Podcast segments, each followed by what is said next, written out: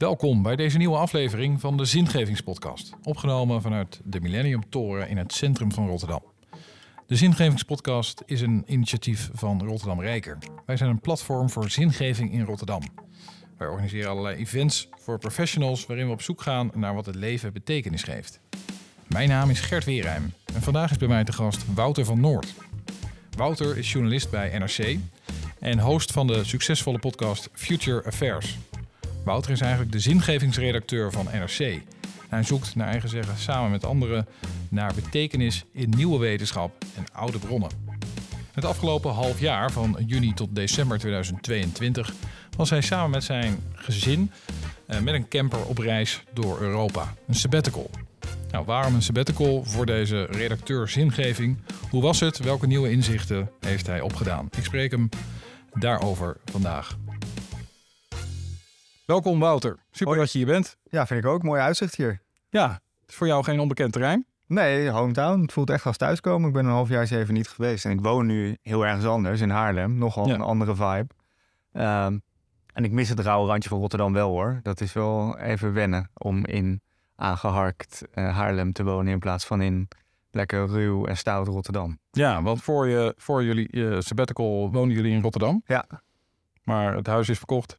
We hebben trots verlos gedaan. We hebben inderdaad het huis verkocht. Ehm, het plan was om geen plan te hebben.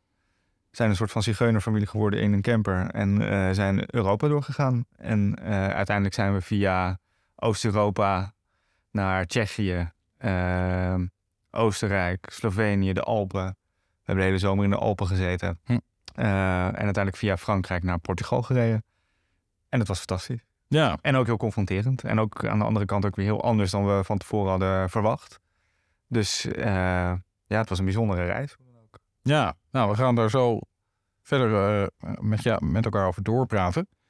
Eh, hoe, hoe is het om weer, weer thuis te zijn? Je bent inmiddels een paar maanden weer in Nederland. Ja, we moesten... Ben je al gewend? Ja, we, zeker heel erg weer gewend. En Nederland draait natuurlijk gewoon door. Behalve dat de treinen niet meer rijden en iedereen staakt en iedereen boos is. Nog bozer dan ik toen ik vertrok. Dat valt wel op. Maar het normale leven, ja, dat, dat pik je natuurlijk zo weer op. En ik moet ook zeggen dat na uiteindelijk vijf maanden reizen en zeven maanden eh, verlof van mijn werk, dat mijn handen ook wel weer echt jeukten. Dat ik echt wel weer heel erg zin had om eh, aan de slag te gaan. En dat een van de dingen die me dus ook wel is bijgebleven van die sabbatical, is eh, dat die ervaring je heel erg met de neus drukt op hoe belangrijk werk is. Hoe Ja. zingevend dat is. Hoeveel richting en, en energie dat geeft aan je leven. En dat als je daar helemaal uitstapt, dat is heel fijn om te doen. En heel waardevol om tijd te nemen om te reflecteren op ook jouw, mijn positie in de wereld. Ja, want waarom waren jullie eigenlijk eh, met sabbatical gegaan? Eh, eh, omdat het kon.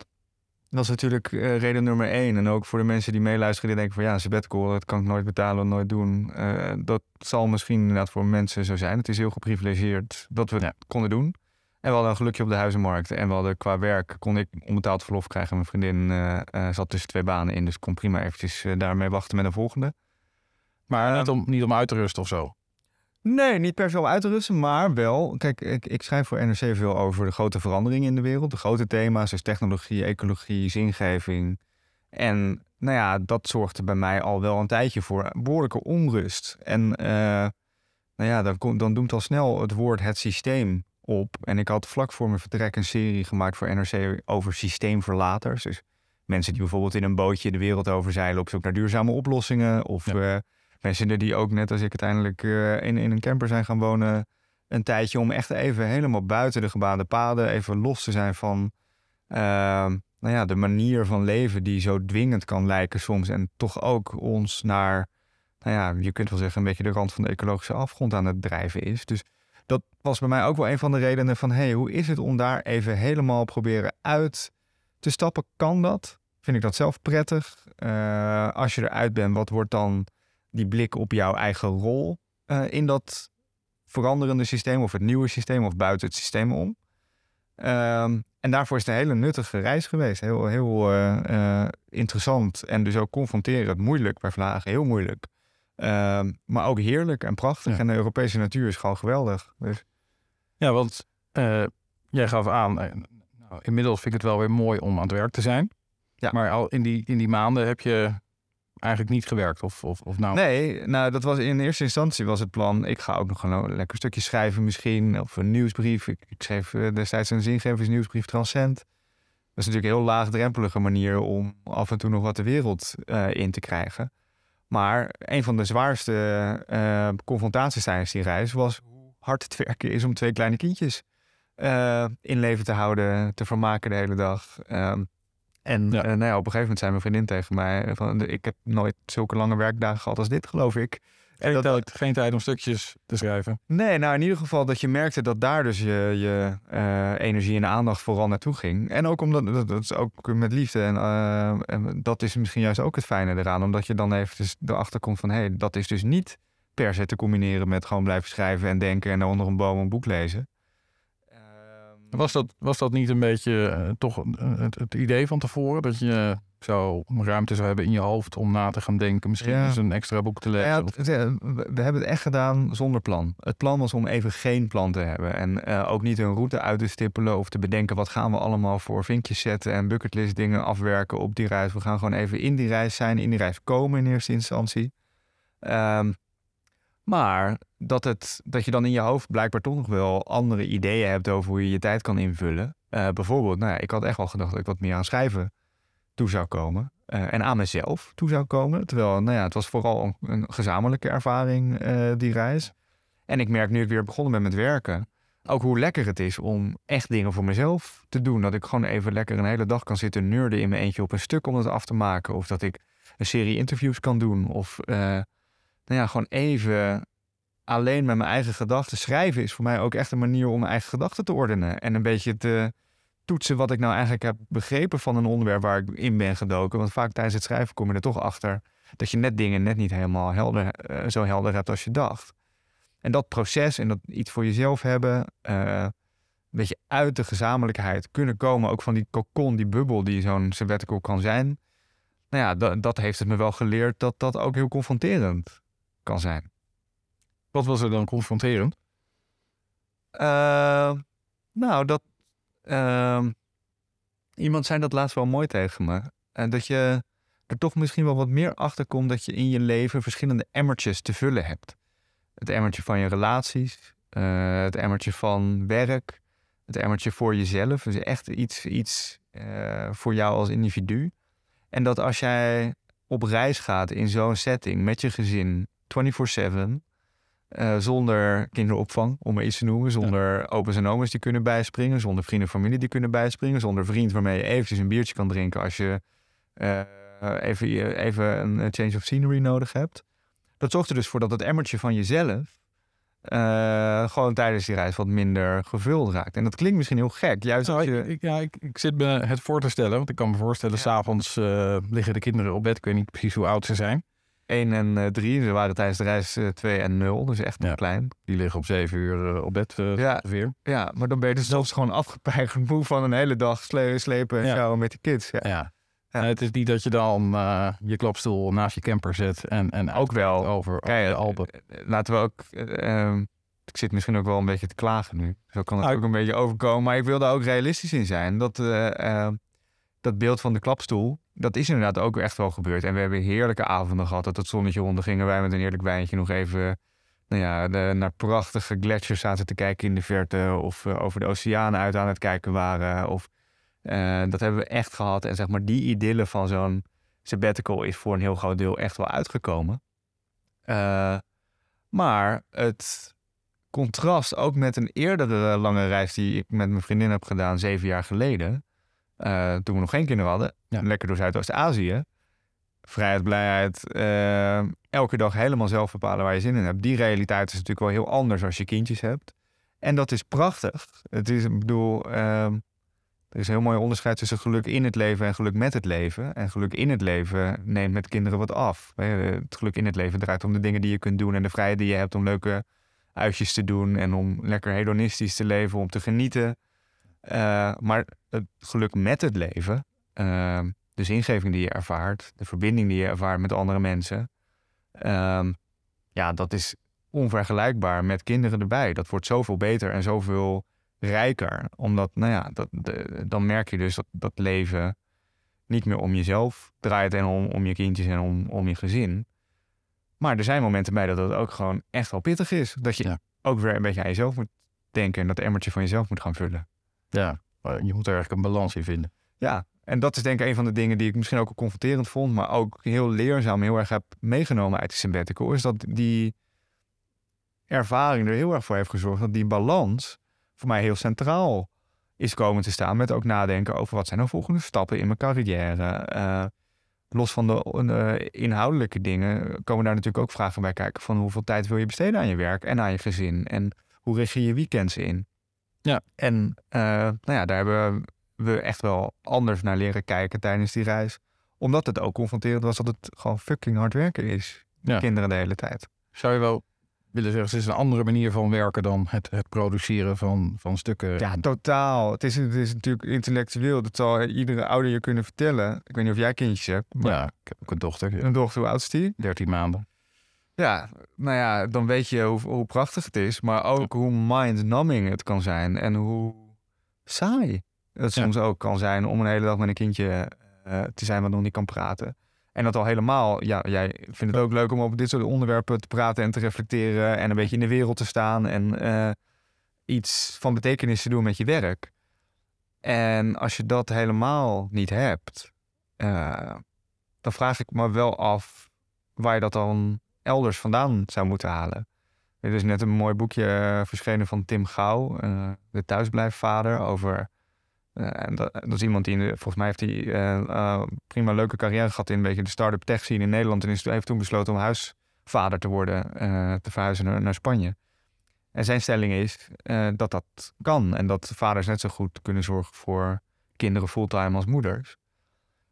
Ja, dat klinkt heel mooi. En hij laat zien dat het kan. Ik heb mezelf dus wel een beetje, ben mezelf wel tegengekomen dat ik denk dat ik dat niet zou kunnen eh, voor de rest van mijn leven. Dat, dat, dat werk en dat iets hebben voor mezelf. En ehm, het zingevende aspect van ehm, midden in de wereld bezig zijn, met grote mensen dingen bezig zijn in plaats van met Peppa Pig of eh, eh, wat is het, Paw Patrol. Of een boekje voorlezen. Ehm, ja, ik zou niet zonder kunnen. Ik zou ook niet meer zonder willen. En die sabbatical was een beetje een experiment om te kijken hoe is het om helemaal los te zijn. En dat was bij Vlagen fantastisch, maar heeft me ook geleerd helemaal los zijn van werk, dat gaat mij niet gebeuren. En de kinderopvang is ook wel prettig. Is extreem belangrijk. Ja, en dat, en dat was ook wel confronterend. Of, of ik gebruik dat woord nu heel veel, merk ik. Maar eh, het was ingewikkeld eh, bij terugkomst ook wel. Dat je merkt dat de staat van Nederland ook wel eh, aan het rammelen is. Dat al die tekorten in de kinderopvang dus ook nu betekenen dat we, we wisten dat we trossen los deden. En dat we eh, nou ja, weer een beetje zouden moeten schakelen bij, bij terugkomst. Eh, maar dat wordt wel lastiger gemaakt als je minder kinderopvang hebt. Hè? En ehm, nou ja, ik vond het, het belang van kinderopvang is me wel wat duidelijker geworden, zullen we maar zeggen. Heb je dan ook nu nagedacht over een andere inrichting van je leven qua work-life balance bijvoorbeeld? Ja, nou, dat was al wel een beetje ingezet. Ik werk nu 90% Dus dat betekent één dag vrij per twee weken om eh, samen te zijn met mijn kinderen. Eh, we proberen in de weekends, dat hebben we wel echt wel besproken tijdens die sabbatical, om één dag in het weekend echt strikt vrij te laten voor gezin. Dus eh, geen andere dingen te doen. Liever ook niet al te brak te zijn bijvoorbeeld, Nee. maar gewoon een gezinstijd. Een beetje als een sabbat, eh, als een, als een soort heilige dag, om daar echt ook heel strikt op te zijn met handhaving. Dat we elkaar kunnen aanspreken op, hé, hey, dit is de gezinsdag. Dus dan gaan we niet eh, eh, allemaal wilde plannen ondernemen of los van elkaar dingen doen. Juist even weer in die cocon met het gezin, omdat dat ook heel leuk en waardevol was. Ehm, dat proberen we wel echt in ere te houden. En mijn vriendin die is ook wel eh, een stukje minder weer gaan werken. Dus ehm, werk is heel belangrijk. En ik zou echt niet zonder willen. En ehm, ik merk hoe heerlijk het ook weer is om eh, aan de slag te zijn. Maar eh, een beetje rekening houden met het, feit dat het hebben van kinderen en het, het, het, het grootbrengen van kinderen in een liefdevol en stabiel gezin ook gewoon hard werken is. Ehm, dat hebben we wel geleerd. Ja. Nog meer dan we al hadden bedacht. En die ervaring is dan toch wat anders dan het in je hoofd hebben, denk ik. Een van de onderwerpen waar je als journalist veel mee bezig bent geweest eh, de afgelopen jaren is technologie.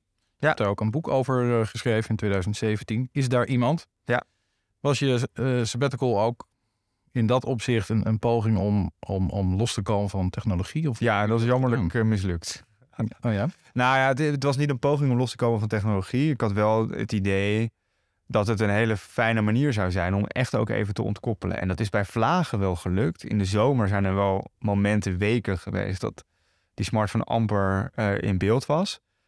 Eh, maar ook daar merk je de waarde van een liefdevol netwerk. Kom je zeker met kindjes dat je ook wel foto's wil delen met opa's en oma's. En eh, nou ja, de, de, het, het hebben van vrienden en, en familie waarmee je gewoon fijn contact hebt is belangrijk. En je, daar ging dat boek over over de hele verslavingsindustrie die achter die apparaten zit en hoe dat ons van onszelf vervreemdt en uh, ons uh, leidt tot allerlei gedrag waarvan we eigenlijk zelf wel weten dat het niet helemaal in de haak is, maar wat toch heel erg uh, magnetisch en plakkerig is door alle mechanismes die techbedrijven inbouwen, die ook psychologisch bij onszelf zal werken. Um, en dat heb ik ook wel gemerkt, dat je, nou ja, um, afgezien van een aantal periodes echt zonder scherm, dat het voor mij ook wel een hele lekkere manier was om even weer contact met die wereld te hebben. En bijvoorbeeld via een postje op LinkedIn of zo af en toe, waar ik best actief ben. Dat het ook wel heel fijn was om even een teen te steken in de maatschappelijke discussie. Uh, een grote mensenwereld, anders dan uh, de, de lieflijke campingwereld met kinderen. Maar ja, ik heb daar ook wel over, na, over me afgevraagd. Heb ik dan uh, me daar toch weer te veel uh, door laten verleiden door die smartphone? Ik denk het uiteindelijk niet. Ik denk dat ik er ook veel aan heb gehad. En dat het ook voor mij, nou ja, een, van de manieren om dat emmertje te vullen was voor mezelf, was juist weer eventjes in uh, de Nederlandse discussie af en toe meedoen. En iets delen van wat we aan het doen waren. Of een inzicht wat ik had gekregen. Of een mooi boek dat ik had gelezen.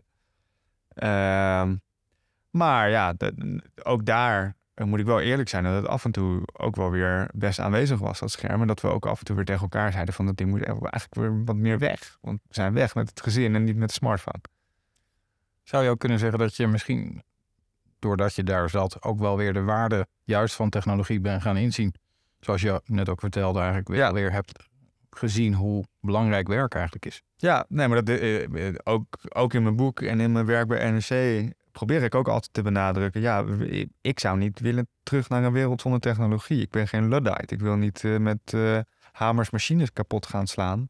Maar mijn punt is vaak wel dat technologie nu op zo'n manier functioneert dat het eerder mensen van elkaar vervreemd tegen elkaar opzet. Uh, vooral gericht is op agitatie, op emotie.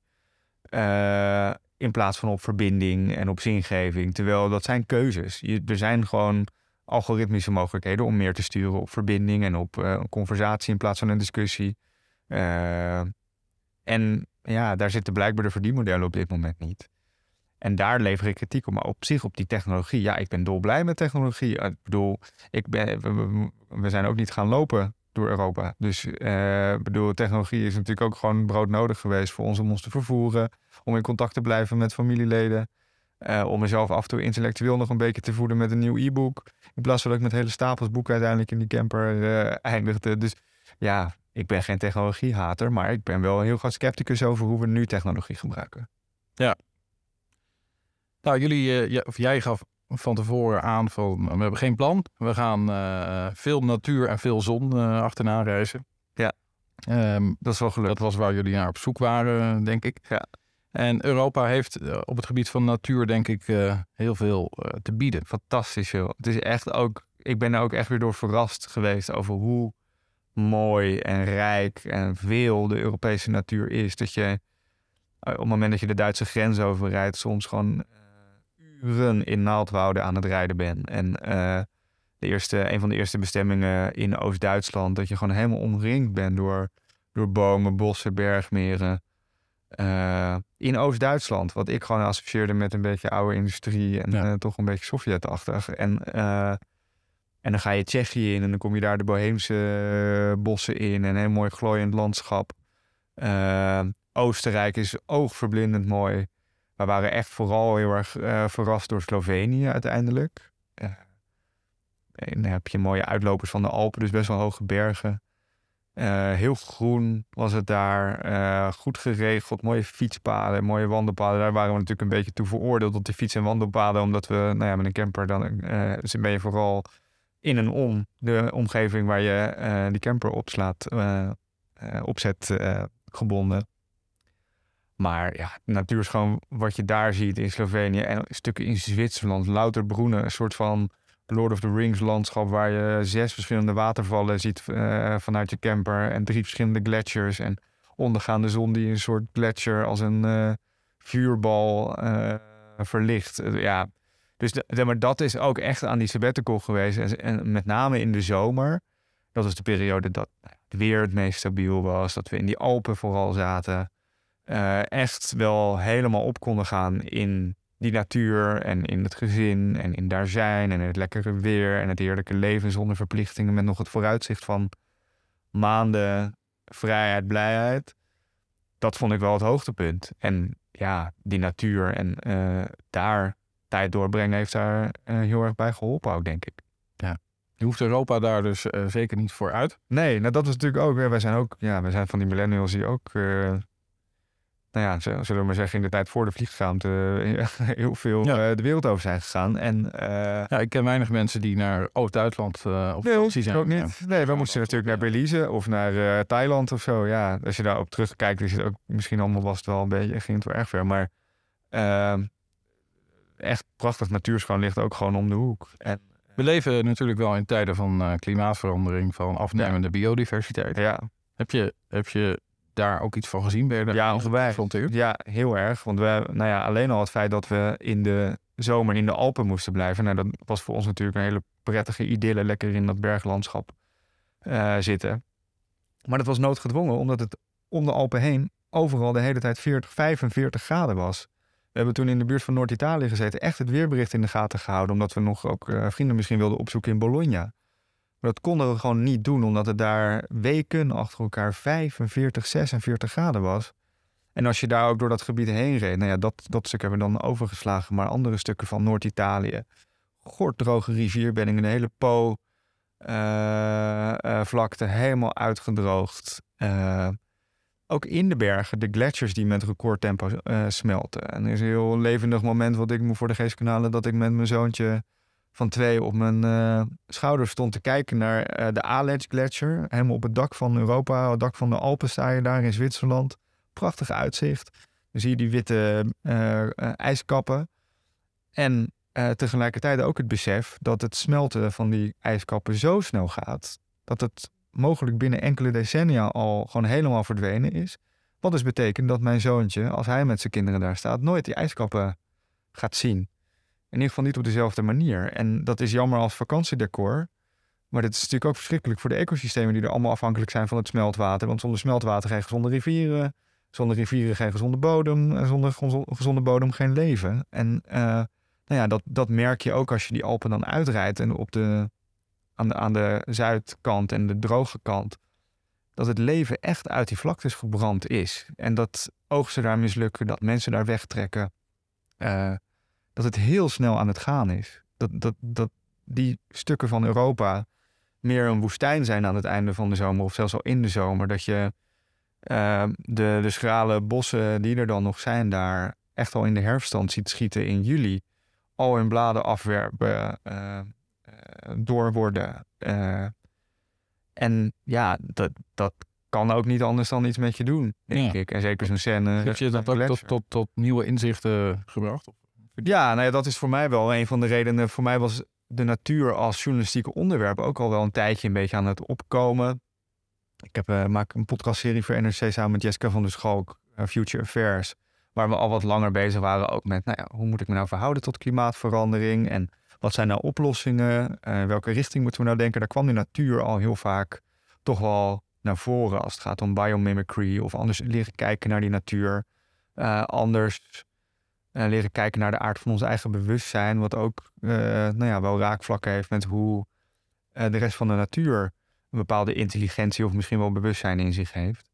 Dus de natuur was al wel een soort van aanwezig als draadje in mijn werk, maar nou ja, die ervaring van nou ja, die, die razendsnelle verandering, die, dat is de, de tijdschaal waarop dit aan het gebeuren is, is echt nog niet eerder vertoond in de aardgeschiedenis. En natuurlijk zijn er natuurlijk fluctuaties in, in klimaatsystemen en uh, komen en gaan ijskappen tot op zekere hoogte. Maar dat het binnen één enkele generatie gewoon helemaal aan het wegsmelten is. Dat de gebieden van Italië tot Frankrijk tot Spanje binnen één generatie van nog prima leefbaar en uh, wijngebied aan het veranderen zijn in uh, bosbrandgevaarlijke droge vlaktes.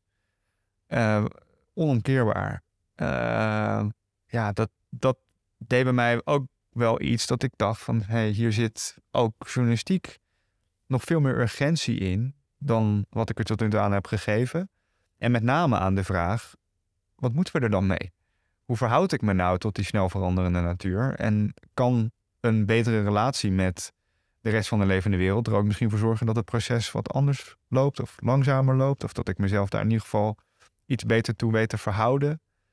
Uh, psychologisch, filosofisch, uh, maar ook maatschappelijk. Van hoe, wat moeten we hier nou mee? Die natuur is keihard aan het veranderen, ongeëvenaard snel. Uh, en misschien ligt dat ook wel een beetje aan de relatie met die natuur die wij als mens wat hebben verwaarloosd of daar een beetje verkeerd naar hebben gekeken decennia lang of hem zijn vergeten. En ik ben dan altijd, altijd wel benieuwd naar de oplossingsrichtingen. Hoe komen we er dan weer goed uit? En hoe, hoe moet het dan wel?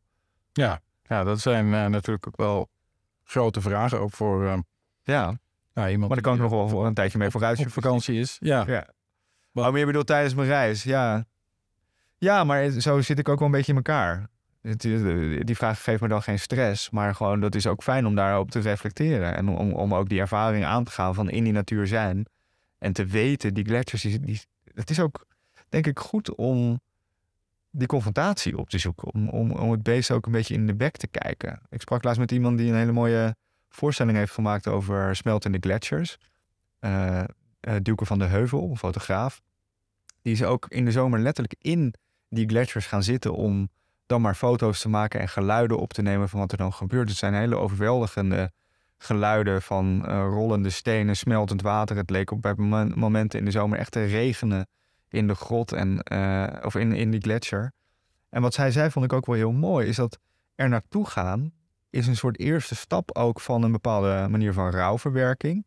En als je die rouwverwerking niet aandurft te gaan, dan blijf je ervan wegvluchten. En als je maar lang genoeg wegvlucht, dan blijf je in die verlamming zitten waar we nu maatschappelijk ook in zitten. Dus juist er naartoe gaan en uh, het enge, het verdrietige ervan onder ogen komen, daar ook een relatie mee aangaan. Dat is misschien wel een eerste stap naar, oh ja, we zijn echt op een raar pad als mensheid op dit moment. Daar moeten we iets mee. Daar moeten we in eerste instantie even bij stilstaan. En dat stilstaan is wel een essentiële stap om te kijken, wat kunnen we er dan mee? En wat wordt dan onze nieuwe verhouding tot die veranderende natuur? Ja, heb je daar ook al uh, ideeën bij?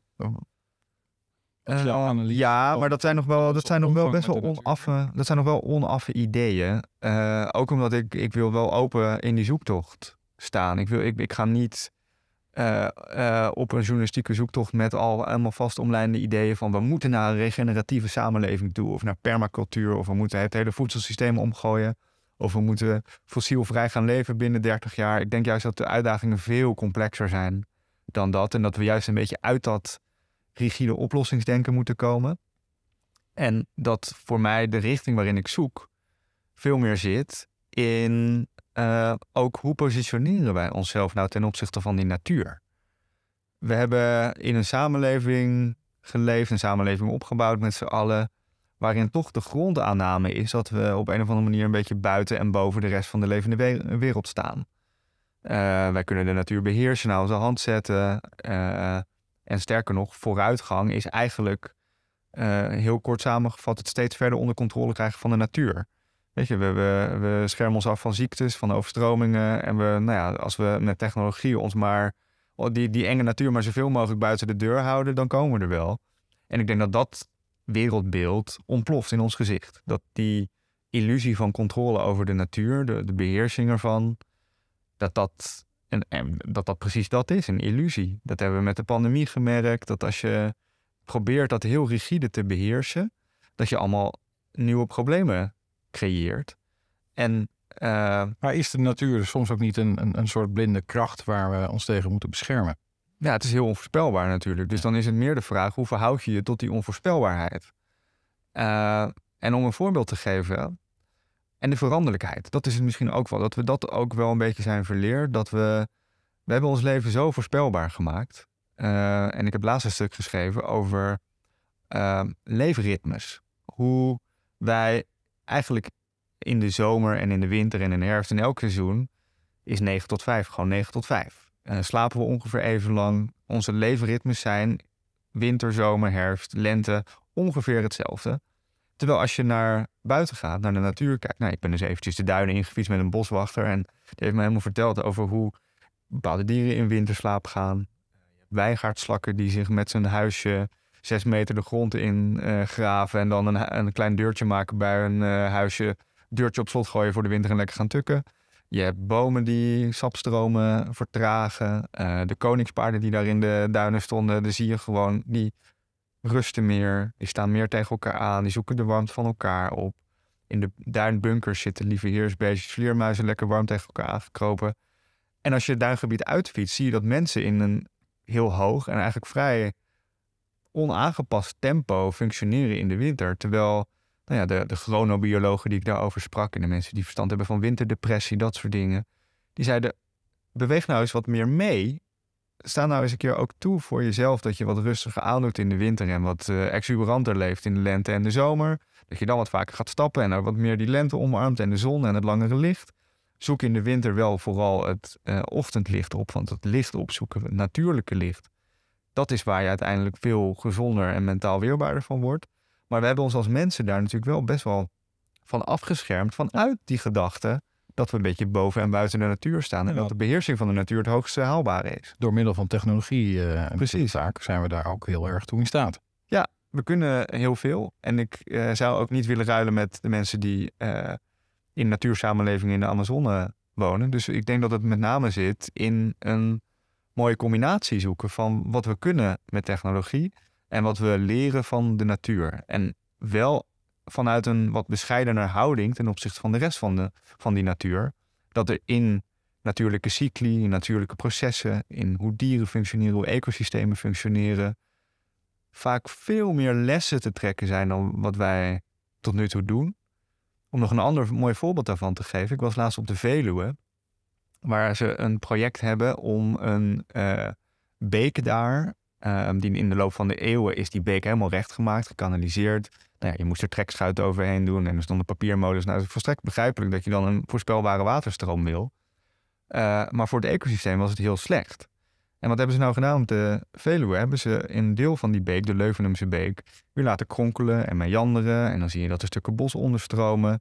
Dat het gebied zelf weer veel meer een soort van spons wordt voor het water. Op een natuurlijke manier waardoor die uh, planten uh, zich herstellen, waardoor uh, meer waterleven is. En meer waterleven trekt meer vogels aan, meer vogels trekken meer roofdieren aan. En dan zie je dat door de natuur zijn gang te laten gaan, door meer te kijken naar wat de natuur wil in plaats van wat de mens wil, je gevolgen krijgt die voor iedereen goed zijn. Je hebt een beter ecosysteem, je hebt gezonder drinkwater, je hebt een klimaatadaptiever landschap. Dus dat vind ik hele mooie voorbeelden waarin we nou ja, ook langzaamaan cultureel zie je dat we opkomen. Dat we weer wat nieuwsgieriger leren kijken naar die natuur. Wat bescheidener kijken naar onze eigen rol ten opzichte van die natuur. Uh, en dat er zomaar best wel wat oplossingen voor de grote problemen waar we nu in zitten, gewoon voor onze neus liggen als we maar, als we maar kijken. We hebben de, we hebben de wereld eigenlijk uh, onttoverd, uh, zou je kunnen zeggen, door onze technologische ja, mogelijkheden. We dachten dat we de wereld onttoverden. Maar wat het mooie is, vind ik, is dat je juist als je kijkt naar de, de cutting edge van uh, wetenschap. Uh, en echt de meest knalharde, exacte wetenschap. Kwantumnatuurkunde uh, of ecosystemen, biologie. andere takken van de natuurkunde en de scheikunde. Dat je juist ziet dat het mysterie over wat de aard is van het universum, wat de aard is van ons bewustzijn, wat de aard is van het leven, dat zijn zulke onopgeloste vragen nog. En hoe beter we kijken, hoe bijna mysterieuzer, je zou het bijna mystiek kunnen noemen, uh, blijkt die natuur in elkaar te zitten. we dachten heel lang dat we die wereld aan het onttoveren waren, maar je ziet nu tegen de grenzen aan beginnen te lopen van wat meetbaar, kenbaar en, en, en beheersbaar is, dat er nog een heel universum achter ligt, wat, uh, nou ja, dat, dat, dat, dat neigt bijna naar een soort van spiritualiteit wat je daarin aantreft. Dat je, om, ja, kwantumfysica is een notoor onderwerp, omdat het, nou ja, als je denkt dat je kwantumfysica begrijpt, dan snap je er niks van. is een gevleugelde uitspraak van een van de mensen die uh, daar een Nobelprijs voor heeft uh, gekregen. Maar een van de effecten in de kwantumfysica is het waarnemerseffect. Dat is dat met een waarneming verander je de aard van de realiteit.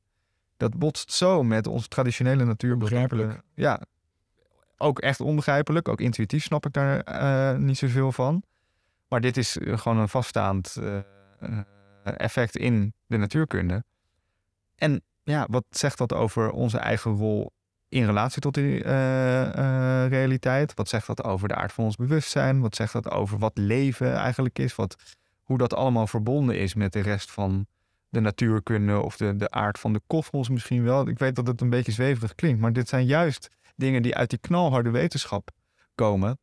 Die laten zien dat die onttovering van de wereld ook maar een soort illusie is geweest. Een soort arrogante aanname dat we het wel zo'n beetje hadden uitgevogeld. Terwijl als je blijft inzoomen, er steeds weer nieuwe werelden open gaan. Ja, ik heb afgelopen zomer uh, jouw, jouw podcastserie geluisterd over uh, bewustzijn. Ja.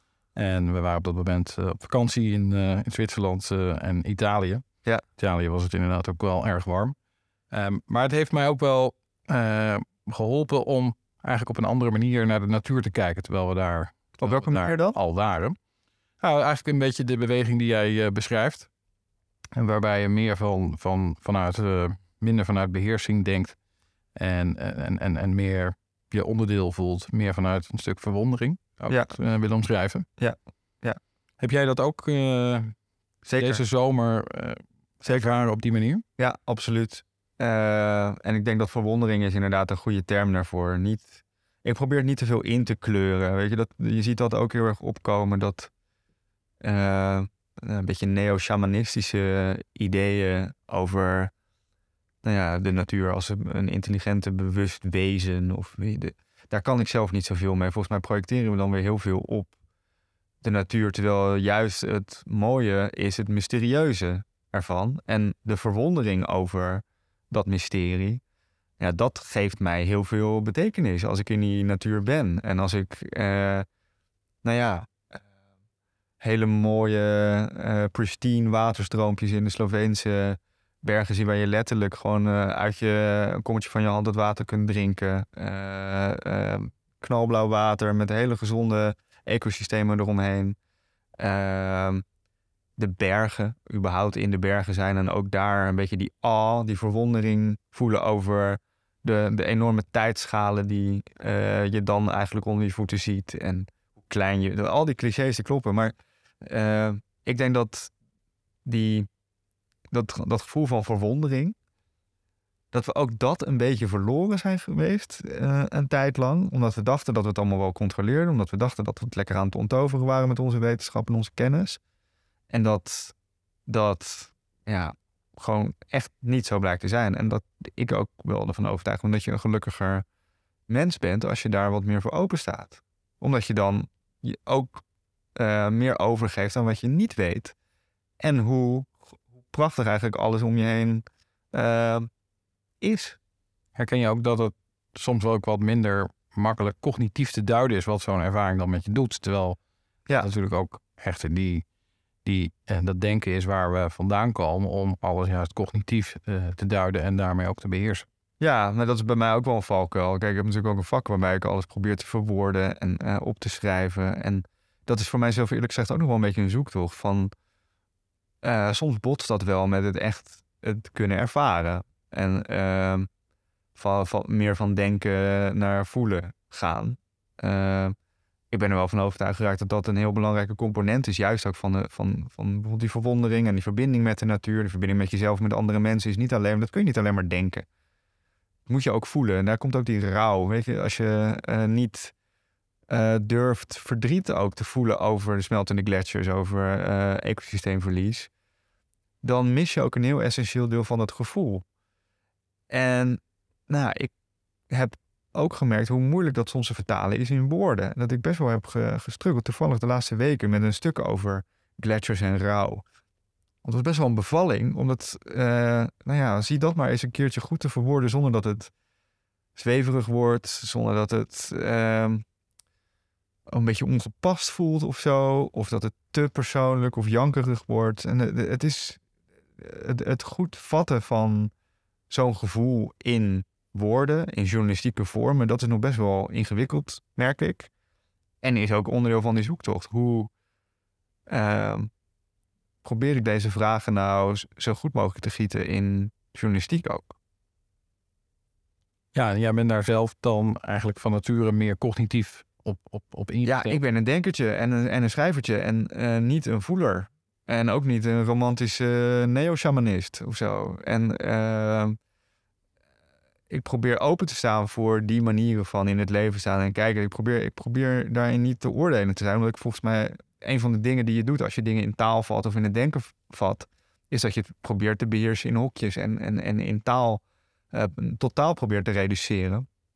Terwijl nou net de kunst is om dat niet te doen. En het er gewoon te laten zijn en naar het gevoel en die beleving toe te gaan. En dan in die verwondering te komen van wow, wat is het eigenlijk? Wat, wat weet ik eigenlijk weinig? En misschien moet ik eerst even mijn mond gaan houden en gewoon om me heen kijken voordat ik uh, conclusies trek. Ja, er is nog een, nog een laatste onderwerp waar ik uh, nog, nog met jou op wil ingaan. Um, ook even terug naar jouw sabbatical. Je was daar samen met, uh, met je gezin. ontkoppeld eigenlijk van nou, de mensen met wie je normaal gesproken ja. denk ik veel omgaat. Ja. Um, en je hebt in het verleden ook wel eens gesproken over een, een, een, zingevingscrisis. Nou, als Rotterdamrijker ja. zijn we daar ook veel uh, mee bezig. En ja.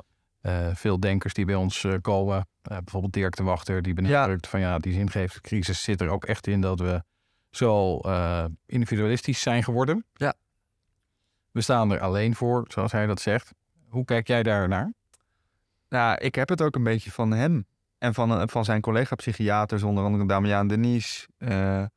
Ook internationaal heb je grote psychiaters die dit zeggen. En een praktiserend psychiater zijn niet mensen die gewoon een beetje in de lucht zitten te filosoferen, maar mensen die dagelijks patiënten, uh, cliënten in de spreekkamer zien zitten, die echt in zingevingscrisis verkeren, die echt niet meer weten waar, waarom ze leven. En uh, uh, daar lijkt inderdaad een groot collectief probleem te zitten. We zitten in een, in een soort tussentijd waarin we niet een gedeeld verhaal hebben, een gedeelde richting. Uh, en in dat gedeelde, wat jij net ook al aanstipt, het individualistische van deze tijd, zorgt er ook wel voor dat je alles in je eentje moet uitvinden en in je eentje moet rooien. En dat is inderdaad ook een van de dingen die me wel opviel tijdens die campertocht. Dat daar misschien ook wel te veel de naïeve gedachte achter zat dat het kan. Dat je uh, naar zin en verbinding met de natuur, verbinding met je gezin kunt zoeken, uh, afgezonderd van de rest van je leven. Terwijl, nou ja, je hebt een hele mooie uh, uitdrukking: It takes a village to raise a child. Dat is ook wel gebleken. Kost een dorp om een kind op te voeden. Als je dan het dorp verlaat, dan merk je dat je dat dorp wel mist, ja. En uh, dat is natuurlijk ook symbool voor hoe de rest van je leven is. It takes a village to live. Je moet vrienden hebben, je moet mensen hebben die voor je boodschappen zorgen. Je, moet, je, je leeft niet als individu, maar je leeft in een netwerk. Uh, net zoals in de natuur overigens. En niks in de natuur staat los van elkaar. Alles is een soort van symbiotisch. En de misvatting dat wij een soort helemaal losstaande individuen zijn, komt ook steeds meer op losse schroeven te staan. Juist als je ook kijkt naar de wetenschap over wat een individuele soort nou precies is. En uh, als je kijkt naar mensen. We bestaan uit meer niet-menselijke cellen dan menselijke cellen ja, dat botst best wel met het, maatschappelijke beeld dat we allemaal een soort van soevereine, autonome individuen zijn die het zelf wel kunnen uitmaken. Maar we zijn onderdeel van netwerken, we zijn onderdeel van ecosystemen. En ik denk dat we in een tijd leven dat we er steeds meer achter komen dat het best goed is om dat weer wat meer te realiseren. Ja, ik, ik vroeg je net van nou, zie je al voor je hoe we zeg maar, eigenlijk in die, op een andere manier naar de natuur kunnen, kunnen kijken. Maar dat, dat geldt natuurlijk ook hiervoor zie jij voor je hoe we nou weer nou, meer kunnen nadenken eh, over onszelf als onderdeel van een collectief? Want als ik ook naar mezelf kijk, ik denk daar ook wel regelmatig over na. Dat je, je bent ook ontzettend uh, gewend aan het leven wat je leidt. En ook gehecht en, en, en Het is comfortabel om eh, je eigen ding te kunnen doen. Ja. En eh, ja, is de geest niet uit de fles? Hoe, hoe kunnen we Ik denk van naar wel. een manier van collectief... Ik denk, dat, ik denk dat de geest wel uit de fles is inmiddels. Ik denk dat je best wel cynisch kan worden als je naar de bovenstroom kijkt in de maatschappij. Dus naar de instituties, naar de grote bedrijven, naar misschien ook nog best wel belangrijke delen van mijn eigen leven. Ik werk ook bij een grote gevestigde krant. Jij werkt in de advocatuur. Dat, dat zijn denk ik toch elementen van de bovenstroom waar eh, nou ja, je af en toe kunt afvragen, gaat dat daar wel snel genoeg? En waar ontstaan dan die nieuwe collectieven die we nu zo nodig hebben? Maar als je blik gaat naar de onderstroom, ja, dan zie ik ze wel echt overal ontstaan. En eh, rondom zingeving, spiritualiteit, al die communities die nu online, ook in Nederland aan het ontstaan zijn, podcasts. eh, eh, er is fysieke bijeenkomsten. eh, je ziet die hele beweging rondom spiritualiteit groeien. En daar heb ik ook weer mijn vraagtekens bij. Of dat nou op een hele gegronde en geaarde manier gaat. Of dat daar ook weer die algoritmes en het oude systeem en het geld verdienen eraan weer soms de boventoon gaan voeren. Dan zie je dat mensen die op zich heel interessante dingen zeggen, ineens Shambhala-druppels gaan verkopen en heel rijk ervan willen worden. Da, ja, daar zie je ook nog heel veel incongruentie in. Het is aan het opkomen, maar ik denk dat als je je blik richt in plaats van op de bovenstroom, naar de instituties, naar de onderstroom, naar wat er eigenlijk al, nou ja, zou het kunnen zeggen, in het mycelium-netwerk onder de samenleving, in het wortelnetwerk, aan het opkomen is, dat je veel hoopvoller kunt zijn over wat er aan het omklappen is in deze tijd. En wij werken bij Rotterdam Rijker bijvoorbeeld met tafelgenoten. En dan één keer in de zes weken is er dan op zondagmiddag een lunch met, met acht, Leuk, eh, ja. acht personen. En dan praat je over een thema. Ja. Dat zijn vaak hele mooie sessies met ontzettend goede gesprekken. Maar daarna gaat iedereen ook wel weer eh, naar huis. eh, naar zijn eigen Ja. nou ja, studiootje. Ja. dat, soort, dat soort plekken. Ehm, dus mijn vraag is dan ook van... in hoeverre beklijft dit? In hoeverre zijn dit gemeenschappen die ook echt op de lange termijn impact eh, hebben. Want En je, je vraagt ze dat jij denkt dat het niet zo is. nou, ik, ik, ik ben daar naar op zoek en ik ben echt Ja. erg benieuwd wat jij daar, hoe jij daar naar kijkt. Ja, nou, ik beschouw mezelf ook wel eens op die gedachte van zet het dan echt zo daar aan de dijk. Eh, omdat het, nou ja, ik ben eh, bijvoorbeeld ook eh, eh, toen ik nog veel over economie en technologie schreef, ook drie keer eh, in Davos geweest op het World Economic Forum. Eh, waar alle wereldleiders, alle slimme koppen, Nobelprijswinnaars komen daar samen en hebben echt een soort van jamboree. Waar ze allemaal het goed voor de wereld prediken. En ook over dit soort onderwerpen praten. En andere relatie met de natuur. verduurzaming, meer zingeving, meer purpose in bedrijven. sociale verantwoordelijkheid van bedrijven. En dan praten ze er allemaal heel mooi over. En jarenlang Davos heeft dat niet heel erg in de stroomversnelling gebracht. Zo lijkt het eh, aan, aan die oppervlakte in die, in die mainstream. Dus ik betrap me ook wel eens op die gedachte. En tegelijkertijd, sinds ik me dus wat meer ben gaan richten op wat er eh, in die onderstroom gebeurt. Juist in een tijd dat die instituties zo aan het wankelen zijn zoals ze nu. We- ik heb me daar ook echt over verbaasd hoe snel dat ook is gegaan. Dat proces van betonrot in, in, in grote instituties en in het vertrouwen in, in, in die instituties. Het gaat heel hard. Eh, maar dat betekent ook dat er wat meer ruimte komt, wat meer zuurstof eh, voor het opkomende. Ook daar kan je misschien wel weer mooi die vergelijking met die natuurlijke systemen eh, trekken. Ja, bij, die, bij die beek in de Veluwe viel mij in eerste instantie vooral op dat er heel veel dode bomen waren. Omdat het water af en toe echt land overstroomde, vielen allemaal bomen om die daar niet tegen konden met hun wortels. En ik zei van ja, er ligt wel, er ligt wel veel dode bomen hier. Waarop die boswacht zei van ja, dat is toch niet erg. In een gezond bos is ongeveer 40% dood hout maken grote bomen ook regelmatig even plaats voor het nieuwe en opkomende. Ze bieden ze ook een eh, plek voor allerlei eh, kruipertjes en dieren en, en insecten om te leven en schimmels om te groeien. Dus soms moeten die grote bomen ook even omvallen om ruimte te bieden aan het nieuwe. En we zijn misschien wel een beetje te bang geworden voor de omvallen van dingen, omdat we een beetje te veel te verliezen hebben. Terwijl, nou ja, dat is ook Jan Rotmans, die transitiehoogleraar. Ehm misschien kunnen we inderdaad wel baat hebben bij het wat meer omarmen van die chaos die er nu is. En ik denk nog wel gaat groeien de komende periode. En eh, daar de lessen uit te trekken wat we dan werkelijk belangrijk vinden. Wat, wat, wat onze authentieke behoeftes zijn. En niet ehm, zo snel mogelijk bitcoin-miljonair worden of eh, zo hard mogelijk stijgen binnen een corporate of eh, zoveel mogelijk likes krijgen op, eh, op LinkedIn. Maar dat echte betekenisvolle dingen in je leven echt ergens anders vandaan komen. En dat, misschien dat het chaos van de komende periode daar wat ruimte voor biedt om daar eens wat meer over te hebben. Dus ik ben daar dus ook best optimistisch over. Ja, maar dan moeten we er misschien nog wel even voor door een flinke crisis heen. Ja, nee, het, het zijn eh, zonder wrijving geen glans. En ik denk ook zonder, zonder echte crisis geen verandering.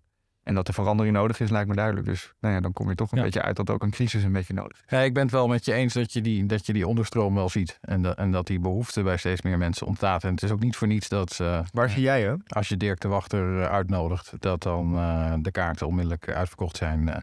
Die, die boodschap, die, die eh, resoneert bij heel veel mensen.